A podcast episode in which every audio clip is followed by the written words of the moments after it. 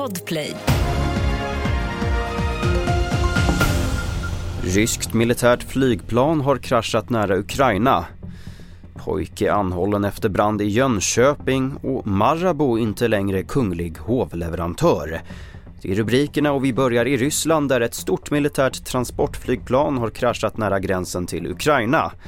Enligt CNN som hänvisar till rysk statlig media ska ett 70-tal personer vara ombord och flera befaras ha omkommit. Ryska försvarsdepartementet hävdar att det rör sig om krigsfångar.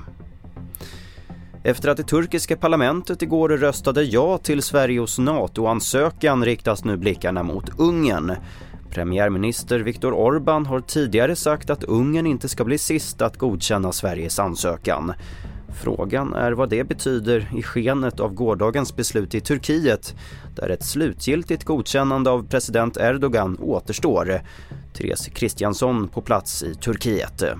Ja, eh, här anser man ju att nu är det här klart. Alltså Turkiet har godkänt eh, Sveriges NATO-ansökan och den här formalian att det ska publiceras i den här gazetten som statsvetaren talar om.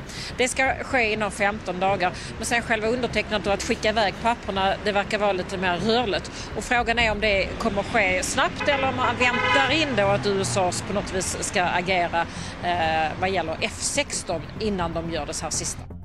En kille under 18 år har anhållits misstänkt för grov mordbrand efter den stora branden i en lokal i Jönköping igår kväll. Det rapporterar Jönköpings-Posten. 16 personer varav fem barn skadades i branden.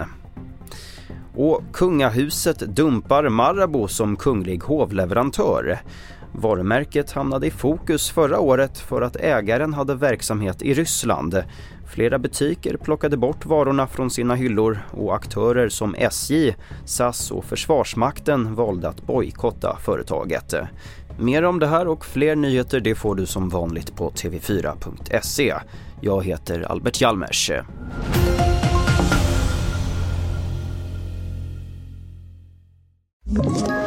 Ett poddtips från Podplay.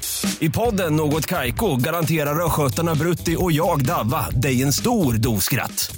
Där följer jag pladask för köttätandet igen. Man är lite som en jävla vampyr. Man har fått lite blodsmak och då måste man ha mer. Udda spaningar, fängslande anekdoter och en och annan arg rant.